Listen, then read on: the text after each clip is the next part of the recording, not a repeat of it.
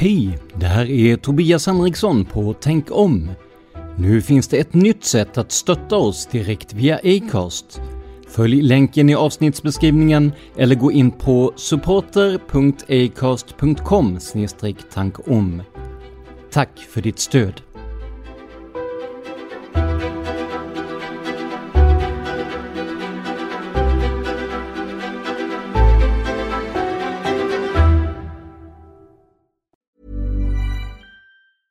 Hiring for your small business? If you're not looking for professionals on LinkedIn, you're looking in the wrong place. That's like looking for your car keys in a fish tank.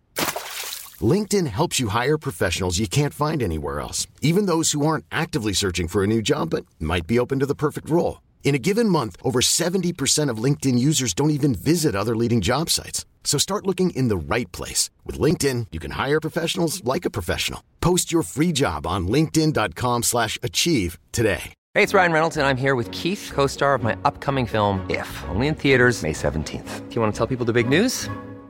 All right, I'll do it. Sign up now and you'll get unlimited for $15 a month in six months of Paramount Plus Essential Plan on us. Mintmobile.com slash switch. Upfront payment of $45 equivalent to $15 per month. Unlimited over 40 gigabytes per month. Face lower speeds. Videos at 480p. Active Mint customers by 531.24 get six months of Paramount Plus Essential Plan. Auto renews after six months. Offer ends May 31st, 2024. Separate Paramount Plus registration required. Terms and conditions apply if rated PG. Ever catch yourself eating the same flavorless dinner three days in a row? Dreaming of something better? Well, HelloFresh is your guilt-free dream come true, baby. It's me, Kiki Palmer. Let's wake up those taste buds with hot, juicy pecan-crusted chicken or garlic butter shrimp scampi. Mm. Hello Fresh. Stop dreaming of all the delicious possibilities and dig in at HelloFresh.com. Let's get this dinner party started.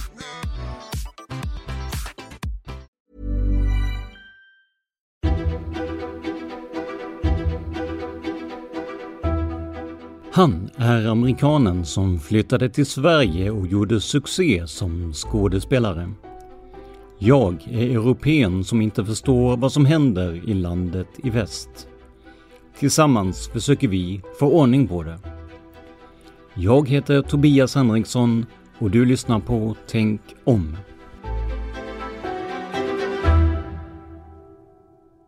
Välkomna till Tänk om, en podcast som granskar konspirationsteorier och myter. Jag heter Tobias Henriksson. Förra veckan pratade jag med Skefin Mosara om lögner, halvsanningar och myter i amerikansk politik. Och vi gjorde ju den här intervjun på engelska och det är av den enkla anledningen att Skif helst pratar engelska. Men i Sverige så pratar ju de flesta svenska. Så att jag tänkte att vi får försöka göra ett, eh, ett avsnitt där vi, eller ett par avsnitt blir det till och med, där vi eh, gestaltar det här. Och för detta så har jag med mig Dan Hörning som alltid. Välkommen tillbaka! Hej Tobias! Det här ska bli intressant. Om jag förstår det här rätt så ska jag alltså nu gestalta dig. Ja, alltså så här är det. Jag, jag har ju gjort ett litet manus utifrån det avsnittet, eller som Skiff och jag gjorde. Och jag tänkte så att Skiff är ganska frispråkig och eh, han, eh, ja men han säger verkligen vad han tycker och sådär. Och eh, även om det givetvis är så då att vi är ju inte, så att säga, vi bara gestaltar det här. Det är ju inte Eh, Eh, vi står inte bakom eh, nödvändigtvis de åsikterna, men så tänkte jag att skulle det bli en skitstorm av det här helt enkelt, att jag får massa konstigheter i min inbox som säger att man, det var väldigt för mycket konspirationsteorier du tror på eller Dan tror på, då är det bättre att jag tar det, eh, än att, att det ska spela över på dig. Så jag tänkte att, att eh, den något komplicerade formeln för dagen är att du då får vara mig och jag får vara skiff, helt enkelt. Det ser jag som en utmaning, men jag tror inte jag klarar av att prata blekingska. Nej, det hoppas jag verkligen inte du gör. Så jag, jag, blir någon slags Stockholmsversion av dig. Ja, ja, precis. Jo, men det, det, jag har, eh, jag har fått eh, propåer om att det, det är vad vissa lyssnare vill ha, så att det är nog inte så dumt. Stockholmska? Nja, jag vet inte, men rikssvenska i alla fall. I alla fall inte blekingskan. Den är, den är, ja, vissa älskar den och vissa tycker att det är lite, lite slött och långsamt och sådär. Den är jättefin. Ja, tack Don. Men eh, jag tänkte det, innan vi kör igång här då, eh, så du gör ju en, som vi har pratat om, en väldig massa poddar, men i en av dina nyare poddar så har du ju en, en jättesatsning nu, eller hur? Ja, det hände någonting eh, underligt. Jag har gjort, jag räknade efter, över 700 avsnitt om mord.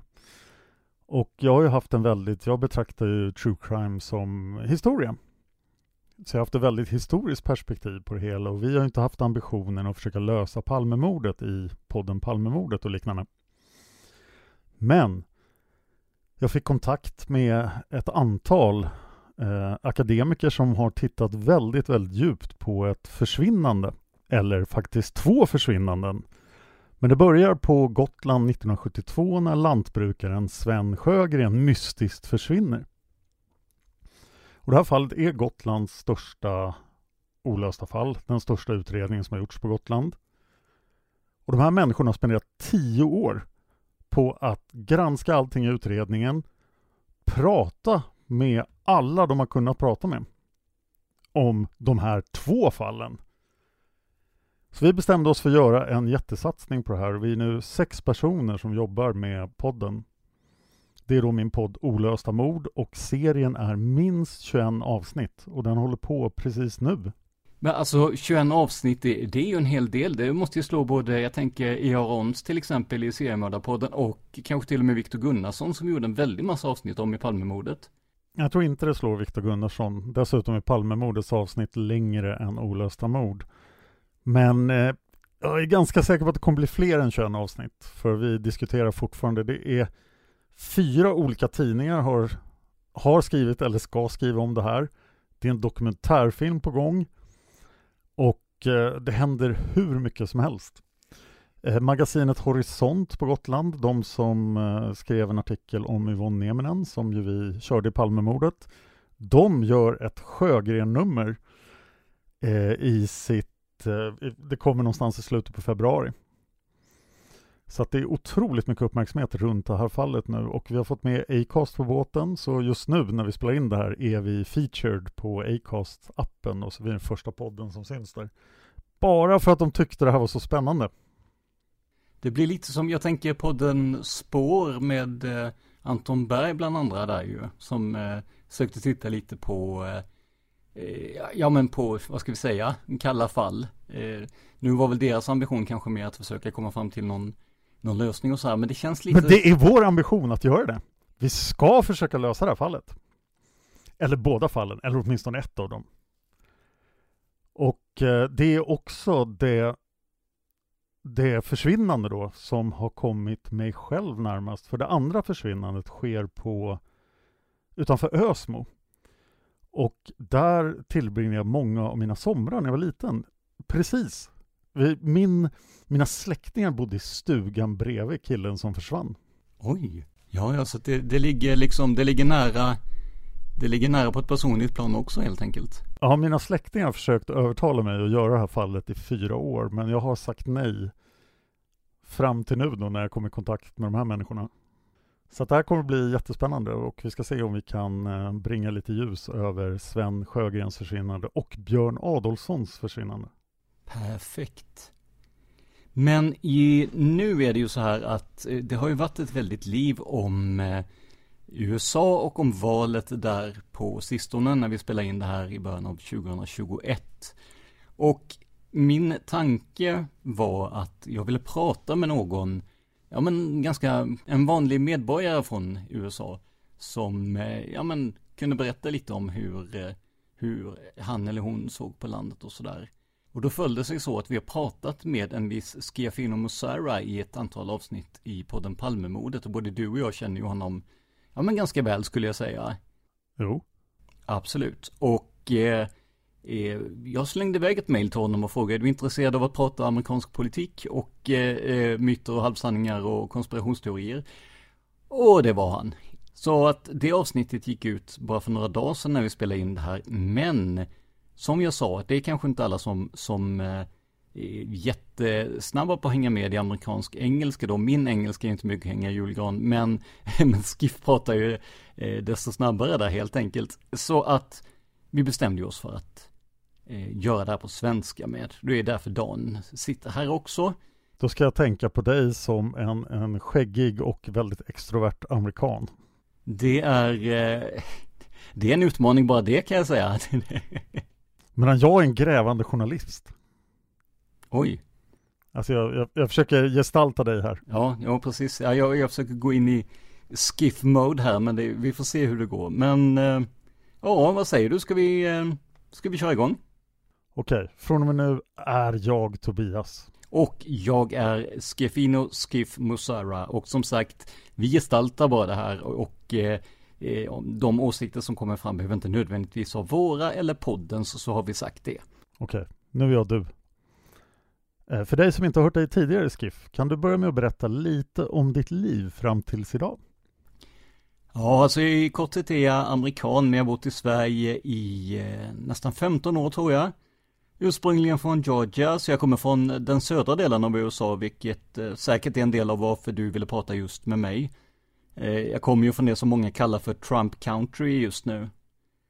Eh, jag bor och jobbar här i Stockholm som manusförfattare och skådespelare. Eh, några av dina lyssnare har kanske sett We Got This där jag eh, Ja, självklart handlar det om mordet på Olof Palme, men på många sätt eh, handlar, så är det en satir över amerikansk kultur och hur amerikaner tror att de kan uppnå vad som helst oavsett var i världen de befinner sig. Den eh, löjliga sidan av amerikansk exceptionalism antar jag. Eh, jag tänkte att det vore en intressant karaktär, en amerikan som försöker lösa mordet på Olof Palme. Hur, hur svårt kan det vara liksom? Men det är en stor grej. Så eh, det är väl typ jag i ett nötskal antar jag. Och om Tänk Oms lyssnare vill höra mer om We Got This, om dig, så har vi två eller tre avsnitt, två, tre, av podden Palmemordet om det. När du växte upp, vad hade du för syn på den demokratiska processen? Och var det den där bilden där alla viftar med sina amerikanska flaggor och verkligen älskar sin president? Alltså, ja, men, men självklart var det mycket mindre splittrat när jag växte upp. Alltså visst fanns det en politisk debatt, men i det område där jag växte upp kunde man vara oense om något och sen gå och ta en öl tillsammans. Det är någonting jag verkligen saknar, för det tycks inte möjligt längre. Eh, jag fick mina egna politiska uppfattningar typ i slutet av 80-talet, början av 90-talet. Så jag har upplevt Reagan-åren, åren med Bush den första, Clinton-åren, den andra Bushs tid och sen såklart Obama. Eller, eh, jag tror att jag bodde i Sverige när Obama valdes in faktiskt. För du är här för att prata med mig om en del om USAs politik från en amerikansk syn. Har du sett någonting liknande det vi har sett de senaste fyra åren med Donald Trump som president? Om man ser tillbaka på George Bush, Ronald Reagan och så vidare. Nej, aldrig. Aldrig. Alltså till att börja med så tror jag att det är viktigt att folk inser, eh, speciellt för svenskar som ser det här utifrån, det viktigaste att komma ihåg är att det inte är något unikt eller annorlunda eller ens något nytt med Trump. Trump är som republikanernas version av Frankensteins monster på ett sätt. Han förkroppsligar allt som det republikanska partiet har stått för och kämpat för i årtionden. Han har bara ett väldigt annorlunda sätt att prata på. Istället för att försöka gömma sig bakom klassiskt politiskt dubbla budskap så säger han det bara rätt ut. Som att eh, mexikaner är våldtäktsmän och kan dra åt helvete, vi vill inte ha dem här. Och, och inte ens republikanerna var redo för, för Trump skulle jag säga. Eh, för de trodde inte att han skulle vinna nomineringsvalet för fyra år sedan. I det ögonblicket som han sa att mexikaner är våldtäktsmän så tänkte nog alla, inklusive jag själv, att eh, det där var ju politiskt självmord. Jösses vad fel jag hade. Jag insåg inte att det fanns en massa människor där ute som väntat länge på en politiker som pratar som Trump, som säger vad de vill höra. Okej, okay. så tror du att det är det viktigaste? Att han talar öppet om vad han vill? Jag menar, vi har haft politiker över hela världen som har talat till sina anhängare, men inte i den här tonen, inte med den här aggressiviteten. Så varför tror du att så många röstade på honom och Republikanerna? Vad är det som gör honom speciell för dem?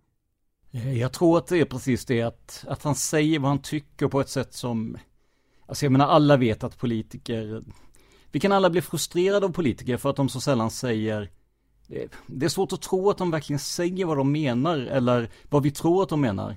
Det är typ, ja men det där menade du inte på riktigt. Det kanske är mer av den varan i Sverige, jag vet inte, jag är inte rätt person att bedöma det, men i USA, absolut.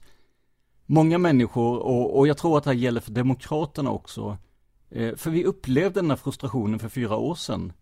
Jag menar, jag vill inte rösta på Hillary Clinton, jag vill rösta på Bernie Sanders. Och för min del känns det som att eh, det demokratiska partiet på ett sätt bestämde att Hillary skulle vara den bästa kandidaten och samlades kring henne och jobbade för att Bernie inte skulle nomineras. Så jag tror att många människor även på vänsterkanten är frustrerade över sitt parti. För jag tror att de flesta i USA inte känner att deras parti lyssnar på dem. Och då kommer det in en bedragare som är bra på att övertala folk som säger att han ska ge väljarna allt de någonsin önskat sig. Vi ska bygga muren, Mexiko ska betala den.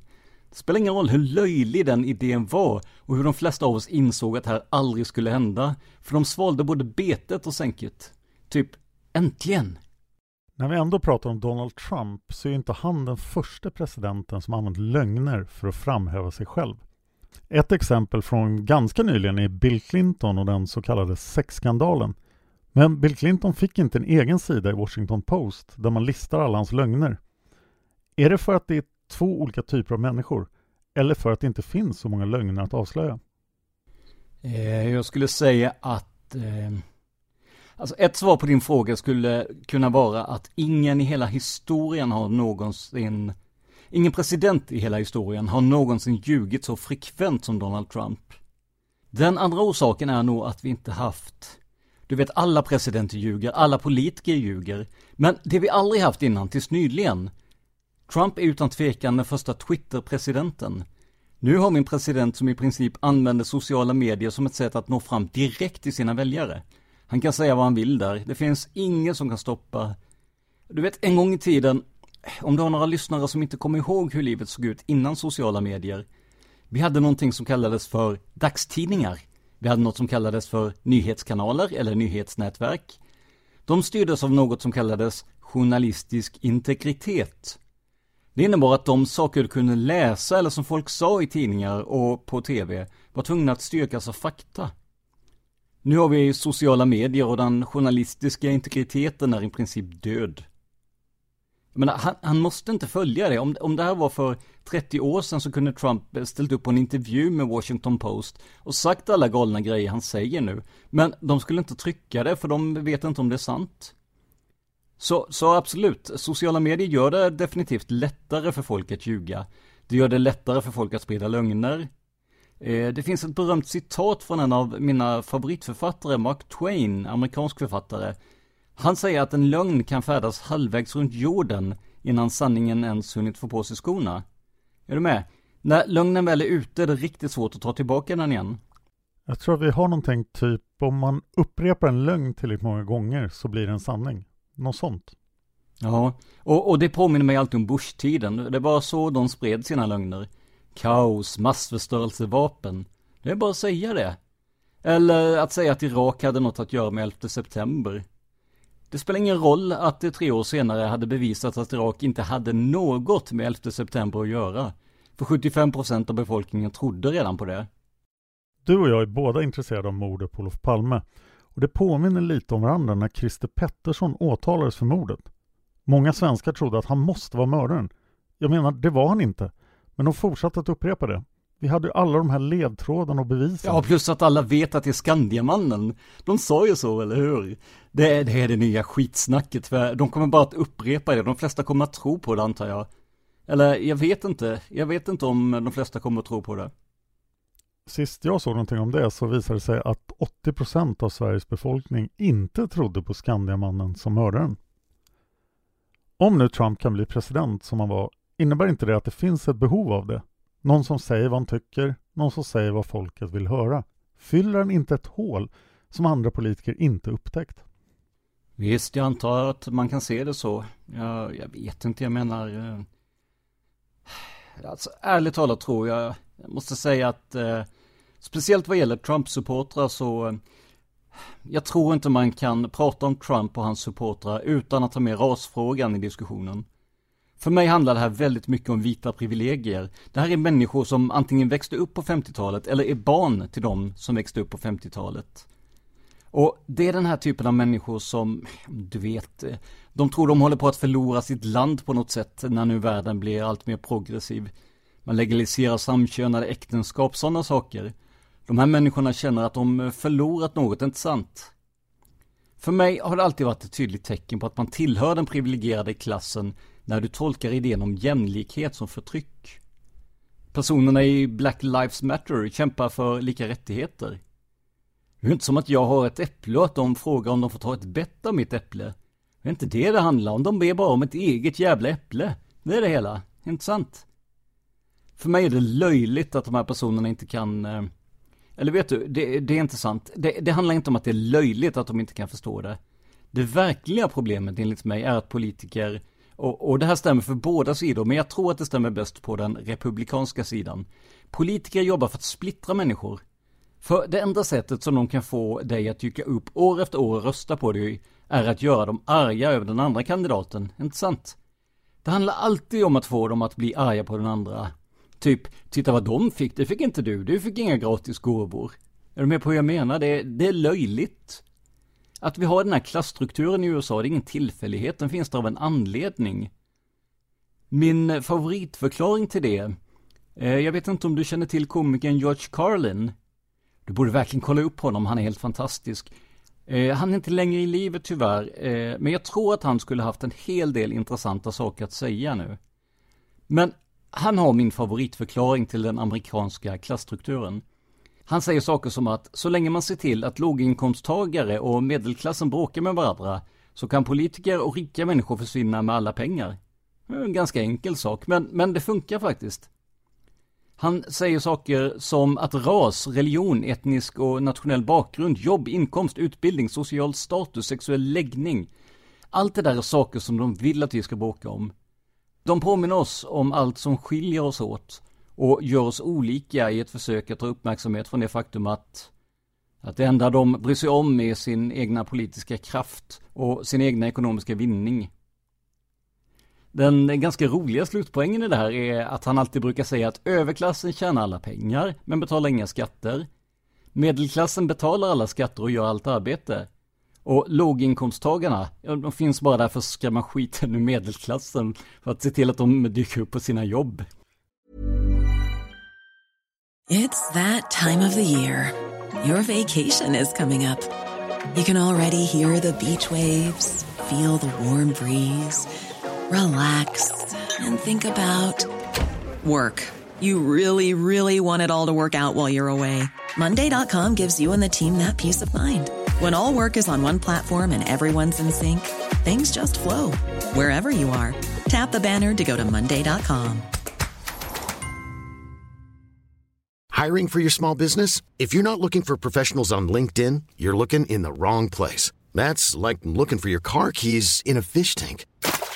LinkedIn helps you hire professionals you can't find anywhere else, even those who aren't actively searching for a new job but might be open to the perfect role. In a given month, over 70% of LinkedIn users don't even visit other leading job sites. So start looking in the right place. With LinkedIn, you can hire professionals like a professional. Post your free job on linkedin.com slash achieve today. Ever catch yourself eating the same flavorless dinner three days in a row? Dreaming of something better? Well, HelloFresh is your guilt-free dream come true, baby. It's me, Gigi Palmer.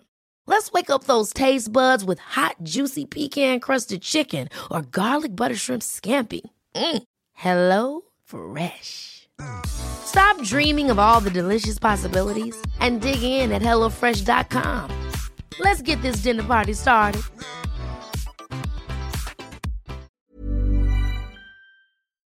Men på tal om klass och till och med ras. Jag får alltid känslan av att det är en större skillnad mellan vita och färgade människor i USA än till exempel i Sverige. Och även en större skillnad mellan de fattiga, medelklassen och de rika. Finns det något sätt att förklara hur USA ser ut om man talar om klass och rasfrågor? Mm. Så jag tror den största skillnaden är eh, invandrarna som ni har här eh, har väl historiskt kommit hit från, från andra ställen. Antingen för att flytta till vad de tycker är en bättre plats eller för att fly någon slags konflikt i landet de kommer ifrån. Men i USA, och, och det gäller inte minst den afroamerikanska befolkningen, jag menar, det, det, är ingen stor hemlighet. Alla vet att vi har um, Amerikas ursprungliga synd är egentligen dess historia med slaveri. Och det har varit en långsam, du vet, en ganska långsam process att göra rätt för den ursprungliga synden skulle jag säga. Eh, det är bara min åsikt. Trump-supportrar kommer att säga, men, men herregud, ni får rösta, ni har allt det där andra. Vi gav er de här rättigheterna, vad är det nu ni vill ha? Och det handlar ju om att de fortfarande inte har lika rättigheter. Det är ju allt de vill ha, är du med? Och i en del amerikanska städer, eh, kanske svårt för dina svenska lyssnare att, eh, eller förresten kanske inte, det är ganska likt i alla fall här i Stockholm. Det finns städer där alla vita bor på ena sidan av staden och alla svarta bor på andra sidan av staden. Det händer här också, jag ser det i Stockholm, jag ser det på andra ställen i Sverige. Och en del av det beror på, du vet det finns en slags ekonomisk segregation. Och anledningen till att alla de här människorna bor på ena sidan av staden Alltså jag har hört den konversationen i Sverige många gånger. Alla de där människorna samlas tillsammans i Rinkeby. Och man tänker, ja men det är ju det enda stället de har råd att bo på. Självklart kommer de att bo där. Om de kunde bo i en vacker trea i Vasastan så skulle de såklart gjort det. Men det kan de inte. Är med på vad jag menar? Det finns en hel del av den ekonomiska segregationen i USA. Det gör det verkligen. Och vid de fåtal tillfällen då det bryter ihop så leder det ofta till, eh, kanske inte nödvändigtvis våld, men du vet, om en svart läkare flyttar in i ett vitt kvarter så är det inte ovanligt att han får utstå obekväma konversationer med grannarna. Eller att någon målar något på deras garagedörr. Sånt som du helst inte vill läsa. Olof Palme hävdade i ett berömt uttalande att det var en resa genom de södra staterna i USA som gjorde honom till socialist. Jag har alltid tyckt att det är fascinerande, speciellt eftersom jag växte upp i södern. Alltså, jag kan säga, jag har alltid känt att jag har haft tur som fått växa upp i södern. Många människor blir en produkt av den omgivning de växer upp i. Och jag antar att jag också är det på sitt sätt. Men en av de saker som jag alltid varit väldigt stolt över är att jag lyckades fly södern utan att bli rasist. Vilket inte är helt enkelt när man är omgiven av rasister. Men nu för tiden, jag menar, du är aktiv på sociala medier och liknande. Är det svårt för dig, som kommer från den södra delen av landet, att ta upp den här sortens frågor om rasism och våld från den republikanska sidan? Är det svårare för dig eftersom du växte upp i södern? Jag kan säga så här, jag går igenom olika faser i det. Jag går igenom faser när jag verkligen känner mig engagerad. Och som många andra känner jag att jag har något att säga som är av värde för diskussionen. Men jag går också igenom faser när jag frågar mig varför jag gör det här. Det här är inte mitt jobb. Det är inte mitt jobb att, eh, att ge sig in i skrivkrig på Facebook med olika människor som Ja men du vet om målet med en diskussion är att förändra en annan människas åsikt, då har du redan förlorat. Du kommer aldrig att kunna förändra deras inställning. Men jag tycker det är lite intressant. Ehm, det som jag tycker är mest intressant med mina interaktioner på sociala medier är faktiskt när jag försöker förklara för svenskar att jag som amerikan som bott här de senaste 15 åren, men som också besökt Sverige de senaste 20 åren, jag gifte mig för eh, 22 år sedan med min svenska fru faktiskt. Jag har alltid störts av eh, när jag ser amerikaniseringen av Sverige krypa allt närmare. Och, och, på ett sätt är det ju ganska kul, det vet jag, men härligt, vi kan dra till snabbköpet och få upp pulled pork nu, det är bra. Det är något väldigt amerikanskt med det och, och jag är glad och nöjd över det, det är kanon. Men när jag ser partier som SD och Moderaterna och andra partier som återanvänder sidor i någon slags eh, George Bush-manual, där du säger att du gör en sak men i själva verket gör något annat. Sådana saker. Eller när man hör hur de pratar om invandrare. Eller när de pratar om eh, hur de föreställer sig det svenska samhället. De försöker i princip låtsas att de inte är vad de verkligen är. Och det är ett väldigt amerikanskt politiskt sätt att tala. Och när jag tar upp de här sakerna på sociala medier så känns det inte som att speciellt många uppmärksammar det i Sverige. Alltså svensk politik är väldigt konstig för mig som amerikan, för jag känner att, eh, och nu kommer jag vara väldigt generell, eh, jag tror att svenskar har alldeles för mycket tilltro eh, till sina politiker och att de ska göra de rätta sakerna. Jag tror inte att de ägnar i närheten av tillräcklig uppmärksamhet åt vad som pågår om jag ska vara ärlig. Och jag säger såklart det, det är inte så att jag uppmärksammar det varje dag, men, men det är min åsikt om det. Det svåra för mig ärligt talat med, med tanke på att jag är från Trump country. Jag har en massa vänner och familj där hemma som röstade på Trump. Min mamma röstade på honom, min mormor röstade på honom. Du vet, vi har en regel som säger att vi inte pratar om politik när jag kommer hem, för vi vill hålla diskussionen civiliserad. Och, och de är bra människor, de är inga dåliga människor, de är inga monster. De är underbara människor, men samtidigt för mig, speciellt efter vad som hände för ett par dagar sedan, Um, jag känner att jag, um, jag har kämpat de senaste två dygnen med att fundera ut hur jag ska kunna prata med min mamma nästa gång. Jag har inte pratat med henne sedan det här hände och jag vet inte vad jag ska säga till henne. Det är jättesvårt faktiskt. Det kan jag förstå. Men låt oss gå tillbaka till vad som hände för bara några dygn sedan. Som jag förstår det skulle kongressen rösta formellt för Joe Biden som president. Och Trump hade mer eller mindre uppmanat sina följare att vara där och höja sin röst mot vad han kallade för ett stulet val. Är det en rättvis sammanfattning av det som hände innan det gick överstyr? Ja, mer eller mindre. Vad de eh, sysslade med i kongressen är vad de gör vart fjärde år och det är vanligtvis en enormt tråkig formell tillställning som inte brukar sändas ut i tv. De godkänner helt enkelt elektorsrösterna och går igenom dem stat för stat. Sen åker de hem och äter en stek eller vad fan de nu gör. Eh, innan den här händelsen så försökte Trump pressa Mike Pence för eh, det här vet kanske inte alla dina lyssnare, men vicepresidenten är faktiskt ordförande i senaten. Så vicepresidenten håller koll på de formella procedurerna, som det här. Och om det någonsin blir lika i en omröstning i senaten, alltså om det blir 50-50 mellan demokrater och republikaner, så är det vicepresidenten som har utslagsrösten. Och det verkar som att det är vad vi kommer att eh, få se de kommande fyra åren, för jag tror att det är 50-50 nu efter Georgia-valet. Kamala Harris kommer att få utslagsrösten. Hur som helst, det är vicepresidentens jobb att leda de här procedurerna. Och Trump pressade Pence att i korthet ändra valresultatet eller att räkna bort några av de ifrågasatta elektorsrösterna från ställen som Pennsylvania, Wisconsin, Michigan och Georgia. Det skulle göra att Trump skulle vinna valet. Pence, som dåvarande vicepresident och ordförande i senaten, hade inte makten att göra det och det visste Pence. I det ögonblick som han pratade från senaten och sa att han inte hade för avsikt att göra detta och att det var ett demokratiskt och rättvist val. Vi ska gå igenom de här rösterna och vi ska godkänna valet. Och det var det exakta ögonblicket när de stormade Kapitolium. Och när vi säger att de stormade byggnaden så var det inte två, tre personer som gick in och sa att de inte var nöjda med resultatet. Det såg verkligen våldsamt ut. Det slutade med, var det fyra döda demonstranter och en död polis. Stämmer. Och för att vara tydlig inför dina lyssnare, innan de här personerna dök upp utanför Kapitolium, eh, det är viktigt att, ehm, jag ska faktiskt ner det här, det här är de exakta orden som Trump sa.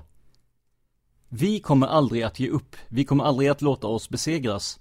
Vårt land har fått nog och vi kommer inte att acceptera det längre. Vi ska stoppa stölden och ska vandra ner för Pennsylvania Avenue och vi ska till Kapitolium. Så här har vi ett läge där han förlorar ett val och övertalar sina följare om att det är stulet. Han ifrågasätter resultatet i domstolar och förlorar varenda gång för att han inte har ett enda bevis. Så han vänder sig till sina anhängare och övertalar dem att de i princip är den sista försvarslinjen i kampen för att bevara demokratin. Alltså för mig är det definitionen av landsförräderi, varken mer eller mindre. Men tror du, jag menar, Trump var väldigt verbal om att ta sig till Kapitolium. Men tror du att ens han kunde anat hur situationen skulle bli? Eller tror du att var det planerat från hans sida att det skulle bli demonstrationer och våld så att han kunde tjäna på det? För då ser ju alla att folket inte accepterar valresultatet. Eller var det mer ett sätt att säga gå dit och vifta med era flaggor? Vad tror du? Alltså helt ärligt, hur mycket jag än tycker illa om Trump så har jag verkligen svårt att tänka mig att eh, det här med de som bröt sig in i Kapitolium var en del av hans briljanta plan. Ärligt talat tror jag inte att eh, det var det som han trodde skulle hända. Han trodde nog att de skulle ta sig dit. Jag tror definitivt att eh, han tänkte att de skulle ta sig dit och ställa till med liv, kanske kasta saker. Bara vara en mobbliknande massa som skulle synas. Det är ju ett bra fototillfälle, inte sant? De är inne i Kapitolium eh, när de ska godkänna det som han kallar ett stulet val. Och så har du de sanna patrioterna som man kallar dem, som är utanför och protesterar mot det här fruktansvärda övergreppet på demokratin. Alltså, jag tror att det var så långt det sträckte sig för honom. Jag tror inte att han nödvändigtvis trodde att de skulle bryta sig in i byggnaden. Men med det sagt, den delen av historien som jag tycker är mest fascinerande och upprörande och den delen av historien som jag troligtvis kommer följa mest är, um, du vet, om man ser på själva inbrytningen i Kapitolium så tycker jag att det är märkligt att USA, ett land som har över 750 miljarder dollar i försvarsbudget, på mindre än två timmar togs Kapitolium över av de här flaggviftande lantisarna och någon jävla idiot med horn på huvudet och en jävla Chewbacca-kostym. Hur fan gick det till? Det är en riktigt bra fråga. Har du någon förklaring? För jag tänkte dra en parallell till Black Lives Matters demonstrationer och där var det mycket mer polis och säkerhetspersonal så jag kunde se. Och här var de, jag vet inte hur många, men uppenbarligen inte tillräckligt många. Alltså, det här är vad vi vet. Det vi vet är att både FBI, alltså det här är alltså nyheten ni kan kolla upp nu om ni vill. Både FBI och nationalgardet kontaktade Kapitoliums polisstyrka innan. Två eller tre dagar innan eh, den här protesten. De sa, eh, hörni, eh, vi antar att ni behöver oss, vad vill ni att vi ska göra? Och Kapitoliums polisstyrka sa, äh, vi klarar oss. Vi kan hantera detta. Vi klarar oss bra, vi hanterar sådana här saker hela tiden. Det kommer att bli en demonstration för yttrandefrihet, inget att oroa sig för. Det kommer inte bli våldsamt. De, de ringde igen, så FBI och nationalgardet ringde alltså två gånger. Och två gånger sa Kapitoliumpolisen, nej, nej, nej, vi klarar oss, det går bra. Det andra som vi vet, det finns videoupptagningar på vakterna vid Kapitolium som öppnar barrikaderna och låter de här människorna komma in på Kapitoliums mark. Det finns bilder och videoupptagningar på Kapitoliums polis som tar selfies med demonstranterna inne i byggnaden efter att de hade tagit sig in. Alltså vi vet att polischefen för Kapitolium har sagt upp sig, men jag tror definitivt att det kommer att bli en utredning. Så det är vad vi vet. Och om det finns någon slags möjlighet att det finns någon slags galen, verklig konspiration. Och jag menar det i dess sanna betydelse, jag menar inte någon helknasig konspirationsteori. Jag menar den bokstavliga definitionen av konspiration, som att två personer samarbetar för att göra något ont. Om det finns en konspiration, så är det i så fall där någonstans. Det kommer att vara något typ eh, vi kommer att få reda på tids nog att Trump sa till Kapitoliums polis att säga till nationalgardet att dra åt helvete eller något liknande. Jag vet inte, jag vet inte vad vi kommer få reda på. Jag känner bara att det finns en historia här och det kommer ta tid för den att verkligen... Eh, det kommer ta tid innan hela historien uppdagas. Det tror jag. Jag vill bara klargöra att skillnaden mellan, för tänk om titta på konspirationsteorier och myter inom olika områden.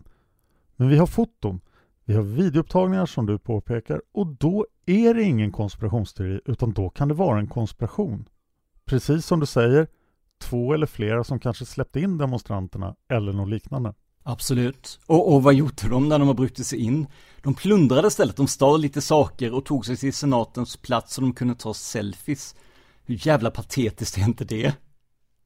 När jag hörde om det här för första gången så tänkte jag på Facebookgruppen som ville storma Area 51 det dök väl upp, jag vet inte, men färre än hundra personer som drack öl och tittade på staketen. Jag trodde verkligen att det här skulle bli något liknande, men det spårade ur väldigt snabbt måste jag säga, om man ser det från svensk synvinkel. Ja, det här är en större grej än ufon tror jag. Och, och det är det enda... Här är något som jag verkligen tror att de måste eh, få ut ur amerikansk politik. Och det händer varje år, eller i alla fall varje mandatperiod. Och båda partierna är skyldiga till detta. Du vet, när man har partier eller politiker som träder fram och säger Det här valet är en kamp om vår nations själ. Alltså jag beklagar, men det är det faktiskt inte. Och den sortens retorik gör verkligen människor galna. Det gör verkligen folk galna.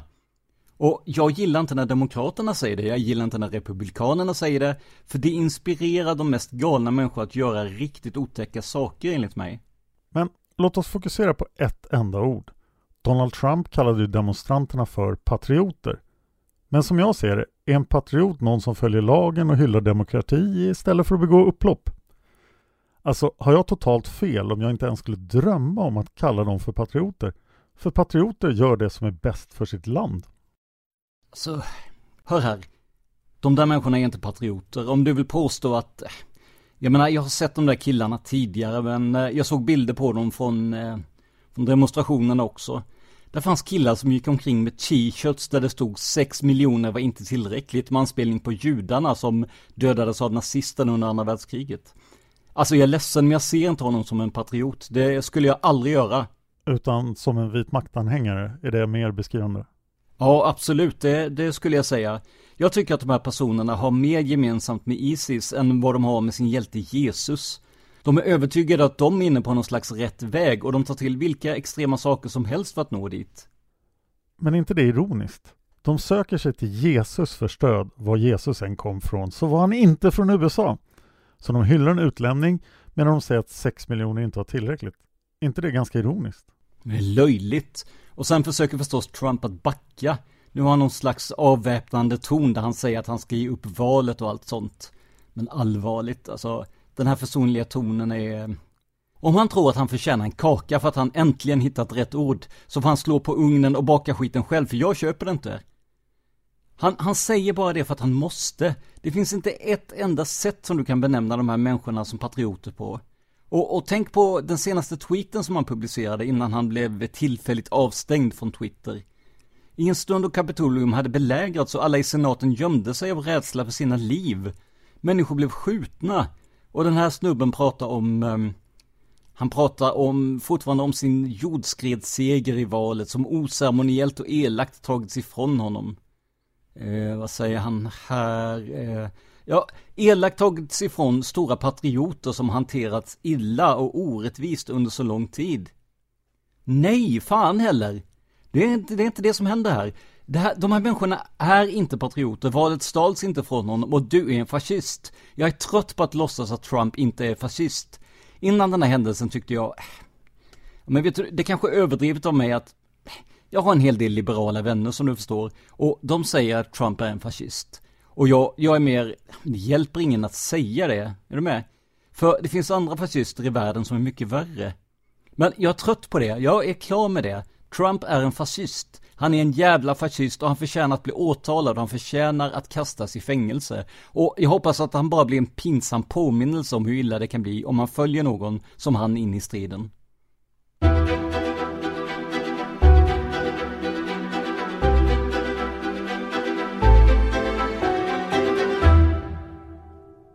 Därmed börjar det bli dags att avrunda det här första av två avsnitt på svenska om USA, Trump, politik och mycket mer.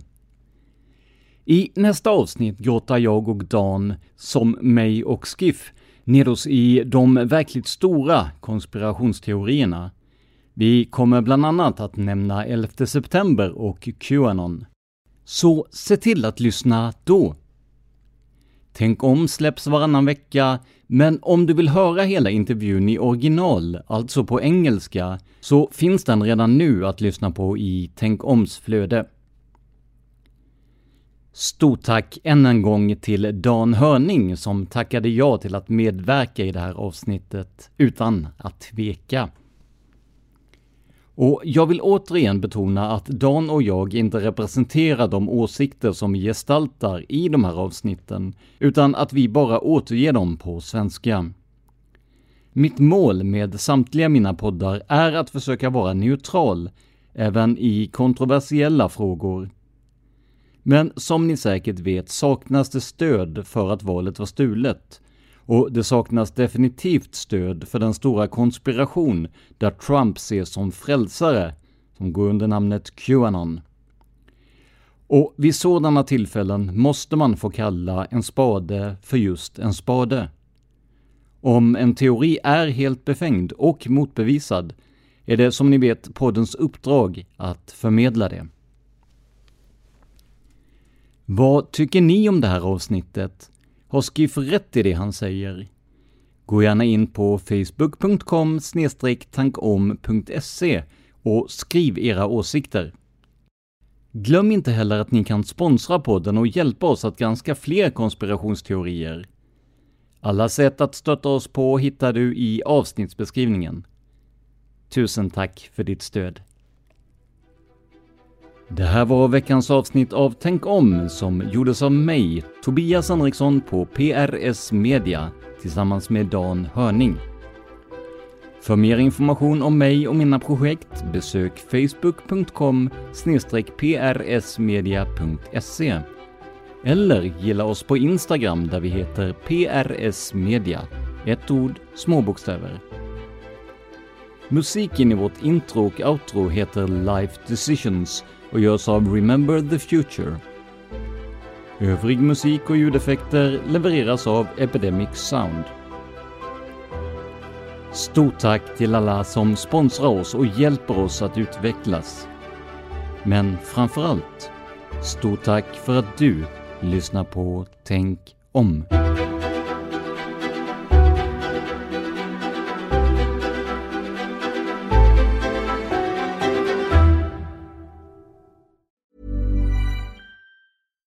Catch yourself eating the same flavorless dinner three days in a row? Dreaming of something better? Well, HelloFresh is your guilt-free dream come true, baby. It's me, Kiki Palmer. Let's wake up those taste buds with hot, juicy pecan-crusted chicken or garlic butter shrimp scampi. Mm. Hello Fresh. Stop dreaming of all the delicious possibilities and dig in at HelloFresh.com. Let's get this dinner party started.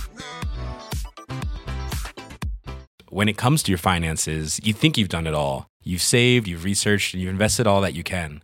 Now it's time to take those investments to the next level by using the brand behind every great investor, Yahoo Finance. As America's number one finance destination, Yahoo Finance has everything you need, whether you're a seasoned trader or just dipping your toes into the market.